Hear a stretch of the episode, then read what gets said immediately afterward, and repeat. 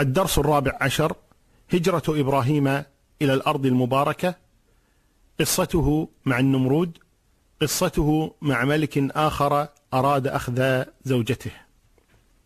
الحمد لله رب العالمين الرحمن الرحيم مالك يوم الدين والصلاة والسلام على المبعوث رحمة للعالمين سيدنا وإمامنا وحبيبنا ومولانا وقرة عيننا محمد بن عبد الله وعلى آله وصحابته أجمعين. أما بعد بعد أن أيقن نبي الله إبراهيم صلوات الله وسلامه عليه أن قومه مصرون على ما هم عليه من العناد والكفر بالله تبارك وتعالى وعبادة الأصنام التي لا تضر ولا تنفع حتى بعد أن أظهر الله تبارك وتعالى أمره وغلبت حجة إبراهيم صلوات الله وسلامه عليه باطلهم.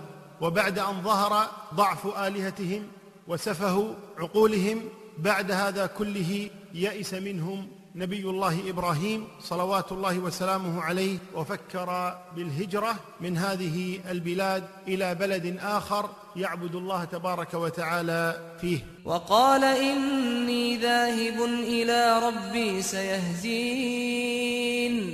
رب هب لي من الصالحين فبشرناه بغلام حليم. واختلف أهل العلم في البلد التي هاجر إليها نبي الله إبراهيم صلوات الله وسلامه عليه على قولين. قيل إنه هاجر إلى مكة المكرمة شرفها الله وقيل إنه هاجر إلى الشام. وهو لا شك في حياته قد دخل الشام ودخل مكة المكرمة. والهجرة ذكرت لإبراهيم صلوات الله وسلامه عليه في ثلاثة مواضع.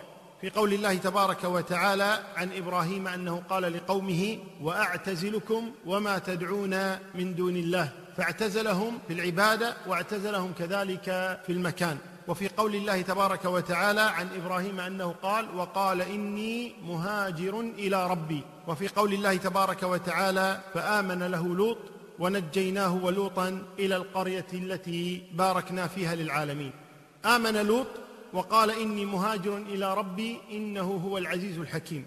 وقال ونجيناه ولوطا إلى الأرض التي باركنا فيها للعالمين. اذا هاجر إبراهيم بعد كل هذه الدعوة لم يؤمن له إلا لوط فقط. آمن له لوط ولذلك يأتينا في قصة إبراهيم صلوات الله وسلامه عليه أنه يقول لامرأته عندما تدخل على الجبار قولي له إنك أختي. فأنت أختي في الإسلام ولا يوجد على وجه الأرض مسلم غيري وغيرك. نبي الله إبراهيم خليل الرحمن خير الخلق بعد رسول الله محمد صلى الله عليه وسلم بذل ما بذل في سبيل الدعوة إلى الله تبارك وتعالى وناظر قومه عيانا جهارا وأبطل حجتهم وباطلهم وأظهر الله الحق على لسانه وأظهر الله معجزته بأن نجاه من النار التي بذلوا ما بذلوا في سبيل جمع الحطب إليها وإشعالها ومع هذا لم يؤمن به أحد. فما تقول أنت عندما تقصر في الدعوة إلى الله ويكون قليل من الإخلاص مع قليل من العلم مع قليل من التقوى وقليل من الجهد ثم يحزن الواحد منا إذا دعا ولم يستجب له أحد؟ ليس عليك هداهم ولكن الله يهدي من يشاء. ويقول لنبيه محمد صلى الله عليه وسلم إنك لا تهدي من أحببت. ابدا. أنت عليك أن تفعل ما يأمرك الله به. عليك أن تؤدي ما عليك. عليك أن لا تأتي يوم القيامة وقد قصرت في الدعوة إلى الله تبارك وتعالى. ولذلك لما قال أهل السبت بعضهم لبعض قالوا لم تعظون قوما؟ يقولون للذين أنكروا على أهل السبت فعلهم. لم تعظون قوما الله مهلكهم أو معذبهم عذابا شديدا؟ قالوا معذرة إلى ربكم ولعلهم يهتدون. فأنت اذا تحتاج إلى أمرين اثنين. تحتاج اولا إلى أن تعتذر بين يدي الله تبارك وتعالى أنك قد بلغت. ثم الأمر الثاني وهو أن يهتدي الناس. هداية الناس ليست بيدك. القلوب بين أصبعين من أصابع الرحمن يقلبها كيف شاء. سبحانه وتعالى. بيده الهداية. أنت عليك أن تدعو إلى الله ولا يضرك والله إن لم يستجب لك أحد. فهل أنزل الله منزلة إبراهيم صلوات الله وسلامه عليه لما لم يستجب له أحد؟ ابدا. بل إبراهيم هو إبراهيم وهو بالمنزلة العظيمة عند الله وهو الذي رآه النبي صلى الله عليه وسلم مسندا ظهره إلى البيت المعمور في السماء السابعة وهو خليل الرحمن.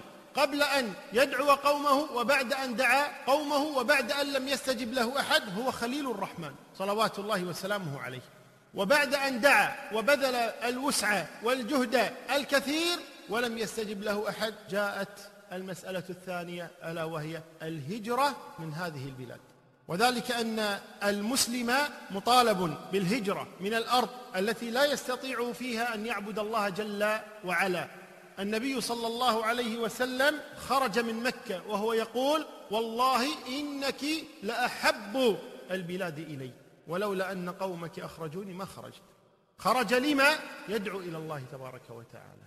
خرج أبو بكر يسيح في الأرض يعبد الله جل وعلا. المسلم أبدا لا يتعلق قلبه بأرض ولا يتعلق قلبه بأهل وإنما يتعلق قلبه بالدين. فأي أرض استطاع فيها أن يقيم دين الله تبارك وتعالى فهي أرضه وهي بلده وهؤلاء هم عشيرته. هاجر إبراهيم صلوات الله وسلامه عليه والهجرة كانت واجبة عليه وهي واجبة على كل أحد. يجب على المسلم أن يهاجر حيث يستطيع أن يعبد الله تبارك وتعالى. ولا تنقطع الهجرة كما يقول النبي صلى الله عليه وسلم حتى تنقطع التوبة. ولا تنقطع التوبة حتى تطلع الشمس من مغربها. إذا هجرة باقية. وإذا قال الله تبارك وتعالى يعيب على الذين لم يهاجروا في سبيل إبقائهم على دينهم قال الله جل وعلا إن الذين توفاهم الملائكة ظالمي أنفسهم.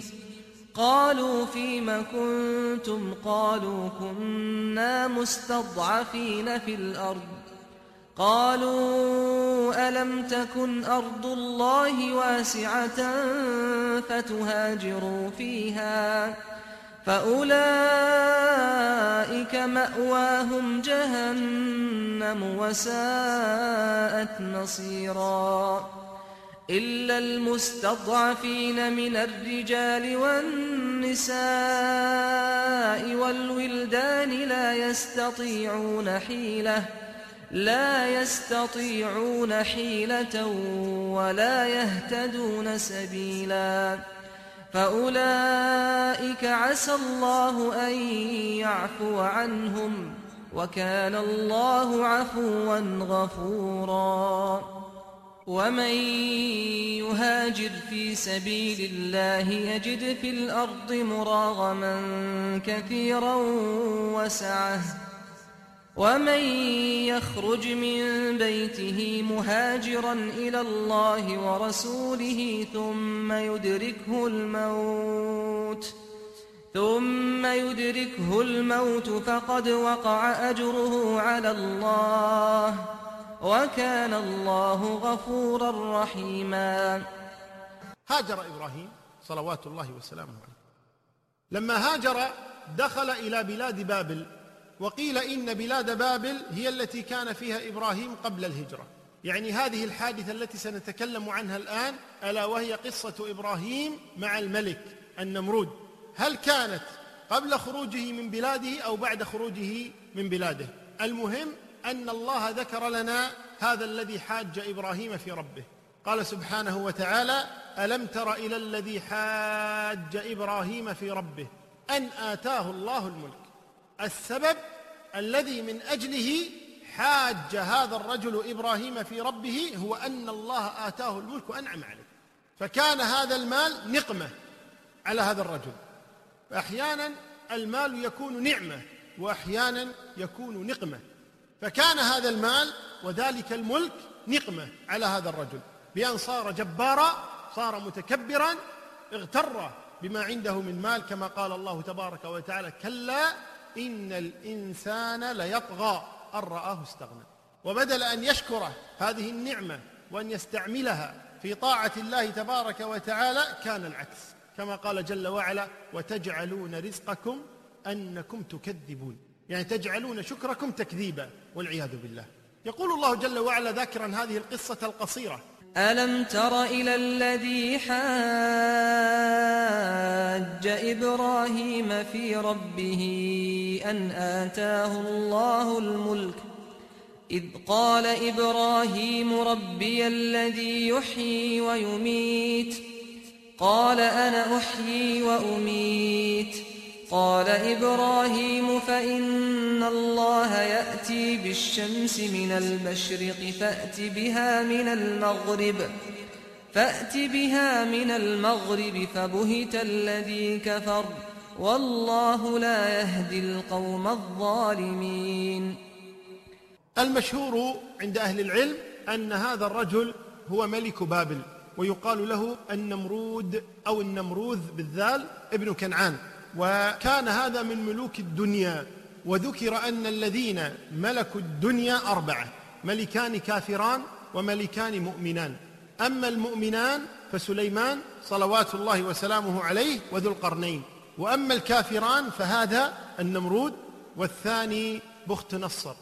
هؤلاء الأربعة ذكر أهل التاريخ أنهم ملكوا الدنيا أي شمل ملكهم الدنيا كلها تقريبا. كان إبراهيم صلوات الله وسلامه عليه قد جاء إلى هذا الملك يطلب الميرة أي الطعام إذ كان يوزع الطعام على الناس. فناظر إبراهيم في ربه تبارك وتعالى. بدأ معه إبراهيم هذه المناظرة وكثرت مناظرات إبراهيم صلوات الله وسلامه عليه. ناظره فقال ربي الذي يحيي ويميت لأن ذاك الرجل كان يدعي أنه رب مع الله إله ثاني. قال ربي الذي يحيي ويميت قال أنا أحيي وأميت. وقد ذكر أهل العلم أن مقولته أنا أحيي وأميت أراد أنه يأتي برجلين فيحكم عليهما بالموت. ثم قبل التنفيذ يسامح أحدهما وينفذ في الآخر. فيكون الذي سامحه كأنه مات فأحياه. ويكون الذي حكم عليه بالموت قد أماته. وهذا أمر واضح. وهذا لا شك تلبيس وتدليس. وكذب. الله يحيي من العدم سبحانه وتعالى. وهذا يلبس على الناس. يدعي أنه أحياه من العدم وليس الأمر كذلك. وإنما الإنسان موجود فحكم عليه بالموت ثم سامحه. ولو قال قائل النمرود لم لم يقل لإبراهيم أنا أيضا آتي بالشمس من المشرق فليات بها ربك من المغرب. وذلك أنه لما قال أنا أحيي وأميت تركه إبراهيم صلوات الله وسلامه إلى دليل أوضح من هذا الدليل. وذلك ليفضحه على الملأ وليكشف عجزه عن الأول والثاني. كأنه يقول له إذا كنت تدعي أنك تحيي وتميت فأنت الذي تنشئ الخلق وتوجد من العدم فأنا آتيك بأبسط منها. إيت بالشمس من المغرب. إذا كنت أنت تحيي وتميت فأنا أطلب منك أسهل من هذه. أنا أطلب منك أن تأتي بالشمس من المغرب. فانتقل منه من ذاك إلى الثاني حتى يبطل حجته أمام الناس. ولذلك لم يقل النمرود أنا آتي بالشمس من المشرق فليأت بها ربك من المغرب. لأنه لو قال ذلك لظهر كذبه لأنه لا يمكنه ذلك. لأن إبراهيم سيقول له بعدها فإن كان الأمر كذلك فأت بها من المغرب إذا كنت أنت الذي تأتي بها من المشرق. وأيضا لم يطلب من إبراهيم أن يأتي بالشمس من المغرب لأنه يعلم أنها سنن كونية وأن هذه السنن لا تتغير لأجل مناظرة أمثال هذا الرجل. قال ابن كثير رحمه الله تعالى وهذا المعنى أحسن من قول بعضهم إن إبراهيم عدل عن المقام الأول لمجرد أنه أوضح من الثاني. لا وإنما أراد أن يعجزه بالأول والثاني صلوات الله وسلامه عليه. ذكر أهل العلم أنه بعد هذه المناظرة القصيرة منع النمرود إبراهيم من الميرة يعني لم يعطه الطعام. عقوبة لإبراهيم صلوات الله وسلامه عليه لأجل هذه المناظرة حيث أظهر عجزه أمام الناس كما قال الله جل وعلا فبهت الذي كفر بهت أي انقطع ولم يحر جوابا. بهت. عندها منع إبراهيم من الميرة. رجع إلى أهله. فلما كان في الطريق بعد هذه المناظرة وهذا الخوف من ذلك الرجل الذي كان يمكن أن يبطش به يرجع إلى أهله الآن ولم يأتهم بالطعام فمر على كثيب تراب أي جمع مجموعة تراب. فمر عليه وجعل في العدل أي المكان الخرج القربة أو ما شابه التي سيضع فيها الطعام فوضع فيها التراب. قال ليسكت أهله. حتى إذا دخل البيت قالت أين الطعام؟ هذا الطعام. ثم يذهب ويرتاح. فدخل البيت ووضع العدلين اللذين ملأهما ترابا ثم دخل ونام. صلوات الله وسلامه عليه. فلما استيقظ وإذا زوجته سارة قد أعدت الطعام. استغرب. قال من أين لكم الطعام؟ قالت هذا الذي جئت به. هذا الذي أنت جئت به. فعرف أن الأمر من عند الله جل وعلا وأنه رزق ساقه الله سبحانه وتعالى إليه. ووقعت لإبراهيم كذلك حوادث كثيرة منها أنه ابتلي بملك جبار. قيل هو النمرود نفسه الذي ذكرناه الآن وقيل غيره. قال رسول الله صلى الله عليه وسلم حديث الذي أخرجه الإمام البخاري في صحيحه ومسلم كذلك قال لم يكذب إبراهيم إلا ثلاث كذبات ثنتين منهن في ذات الله. قوله إني سقيم وقوله بل فعله كبيرهم هذا يعني الصنم الكبير. ثم قال صلوات الله وسلامه في ذكر الثالثة قال وبين هو ذات يوم وسارة إذ أتى على جبار من الجبابرة. فقيل له أي قيل للجبار بطانة السوء. قالت لهذا الجبار إن ها هنا رجلا معه امرأة من أحسن الناس. يعني جميلة. فأرسل إليه أرسل هذا الملك الجبار إلى إبراهيم صلوات الله وسلامه. فسأله عنها قال من هذه التي معك؟ يذكرون معك امرأة. من هذه المرأة؟ فقال هي أختي. هذه المرأة أختي. ثم أتى نبي الله إبراهيم لسارة فقال لها إن هذا الجبار إن يعلم أنك امرأتي يغلبني عليك. إن يعلم أنك امرأتي يغلبني عليك. فإن سألك فأخبريه أنك أختي. فإنك أختي في الإسلام. ليس على وجه الأرض مؤمن غيري وغيرك. أبدا.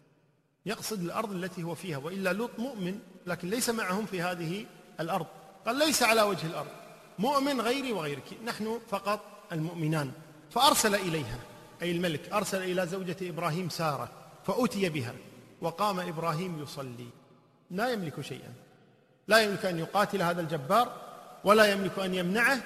قام يصلي لجأ إلى الله. تبارك وتعالى. وهكذا المؤمن إذا ضاقت به الأمور فإنه يلجأ إلى مفرج الأمور سبحانه وتعالى.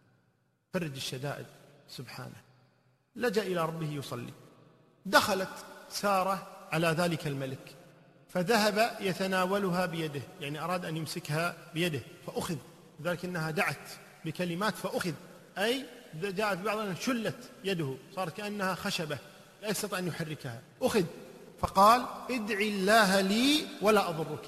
فدعت الله فأطلقه يعني رجعت يده كما كانت. ثم تناولها. الثاني أراد أن يمسكها. أخلف وعده. كافر. يخلف الوعد. أخلف وعده. أراد أن يمسكها المرة الثانية. فأخذ أشد من الأولى. أخذ أخذا شديدا أشد من الأخذة الأولى. فقال ادعي الله لي ولا أضرك. يعني أتوب. ادعي الله لي ولا أضرك. فدعت الله. فأطلقه ثم نادى بعض حجبته الخدم الذين عنده فقال إنكم لم تأتوني بإنسان وإنما جئتموني بشيطان. هذه شيطانة هذه. إذا أردت أن أمسها أخذت هكذا ثم قال أخدموها هاجر وأعطاها خادمة. قال وأخرجوها عني. فأتت سارة معها الخادمة إلى إبراهيم صلوات الله وسلامه عليه وهو ما زال يصلي. فأومأ بيده مهيم ماذا حدث؟ أشار وهو يصلي. كأنه يشير لها هكذا يقول لها مهيم بشري ماذا حدث لك مع هذا الجبار؟ فقالت رد الله كيد الكافر ولم تقل رددته أنا وإنما رد الله كيد الكافر في نحره وأخدم هاجر. وأعطاني أيضا خادمة وهي هاجر. يقول أبو هريرة راوي الحديث تلك أمكم يا بني ماء السماء تلك أمكم يا بني ماء السماء. وهذا الحديث كما قلنا أخرجه البخاري ومسلم. ومعنى قول أبي هريرة تلك أمكم يا بني ماء السماء يقول للعرب يقول هذه هاجر التي أخدمها هذا الملك لسارة هي أمكم يا بني ماء السماء. وماء السماء هو زمزم الذي أخرجه الله تبارك وتعالى لإسماعيل كما سيأتينا. وسمي ماء السماء لأنه إنما خرج بأمر الله تبارك وتعالى. فأنتم أبناء المرأة التي بسببها خرج هذا الماء لكم في الأرض التي تعيشون أنتم فيها. طيب لو قال قائل لما قال إبراهيم إنها أختي؟ لما لم يقل زوجتي؟ خاصة وأن الملك إذا أراد أن يغتصب هذه المرأة لا يختلف الأمر عنده أختا كانت أو زوجة فإنه سيغتصبها. فهل إذا كانت أختا سيمتنع؟ وإذا كانت زوجة سيغتصبها؟ ما الفرق عنده؟ لا فرق حقيقة. عند الرجل لا فرق. ولكن ذكر أهل العلم أن الفرق كما وجدوا أيضا في كتب أهل الكتاب أن الفرق هو أن ذلك الرجل كان إذا عرف أن لامرأة أعجبته زوجا قتله واغتصبها. فأخف الضررين أن يغتصبها ولا يقتل إبراهيم. إذا كان هو مغتصبها مغتصبها. فلماذا يكون مع الاغتصاب القتل؟ هذا إذا اغتصبها. أما إذا حفظها الله كما وقع فالحمد لله. لكن الشاهد من هذا أن سبب قول إبراهيم أن ذلك الملك كان إذا وجد أن المرأة لها زوج قتله وقيل يقتله غيره يغار منه لأنه يريدها له ويغار من زوجها فيقتله بسبب الغيرة من الزوج. وقيل كذلك وهو قريب من هذه أنه كان من دينه وهذا ذكره ابن الجوزي رحمه الله تعالى وذكر أنه نقله له بعض أهل الكتاب أنه كان من دين ذلك الملك أنه لا يقرب المرأة حتى يقتل زوجها. فقول إبراهيم إذن صلوات الله وسلامه إنها أختي حتى يسلم من القتل. لا لأن تنجو هي من الاغتصاب أو عدمه لأن هذا لم يكن سيؤثر في ذلك الأمر. وإنما قوله أختي بدل زوجتي حتى يسلم صلوات الله وسلامه عليه من القتل. وهنا هذا الكذب جائز لأنه إذا تعارضت مفسدتان مفسدة الكذب ومفسدة القتل فلا شك أن مفسدة الكذب أهون من مفسدة القتل. ولو قال أنا أصدق حتى يقتلني ولا أكذب هذا من الجهل. وإبراهيم صلوات الله وسلامه عليه منزه عن هذا فهو من أعلم الناس بالله وبأمر الله جل وعلا. ولذلك قال هي أختي ولم يقل زوجتي. كانت سارة عاقرا فلما أهداها الملك هاجر أهدتها لإبراهيم ليتسررها أي ليجامعها فملكته إياها فقربها إبراهيم صلوات الله وسلامه عليه فأنجبت له أنجبت له إسماعيل. فلما أنجبت هاجر غارت سارة. غارت. وهذه غيرة في النساء فغارت منها. كيف أنا أهدي له وتنجب له؟ الآن سيحبها أكثر مني له منها ولد وليس له مني. ولد فوقعت الغيرة في قلب سارة. عند ذلك خرج إبراهيم صلوات الله وسلامه بهاجر وابنها إسماعيل مهاجرا أيضا. أخذهما إلى مكة. وهذا يقرب أن إبراهيم إنما هاجر في بداية الأمر إلى الشام ثم بعد ذلك هاجر بزوجته أو بأمته هاجر وبولده إسماعيل إلى مكة. والله أعلى وأعلم. وصلى الله وسلم.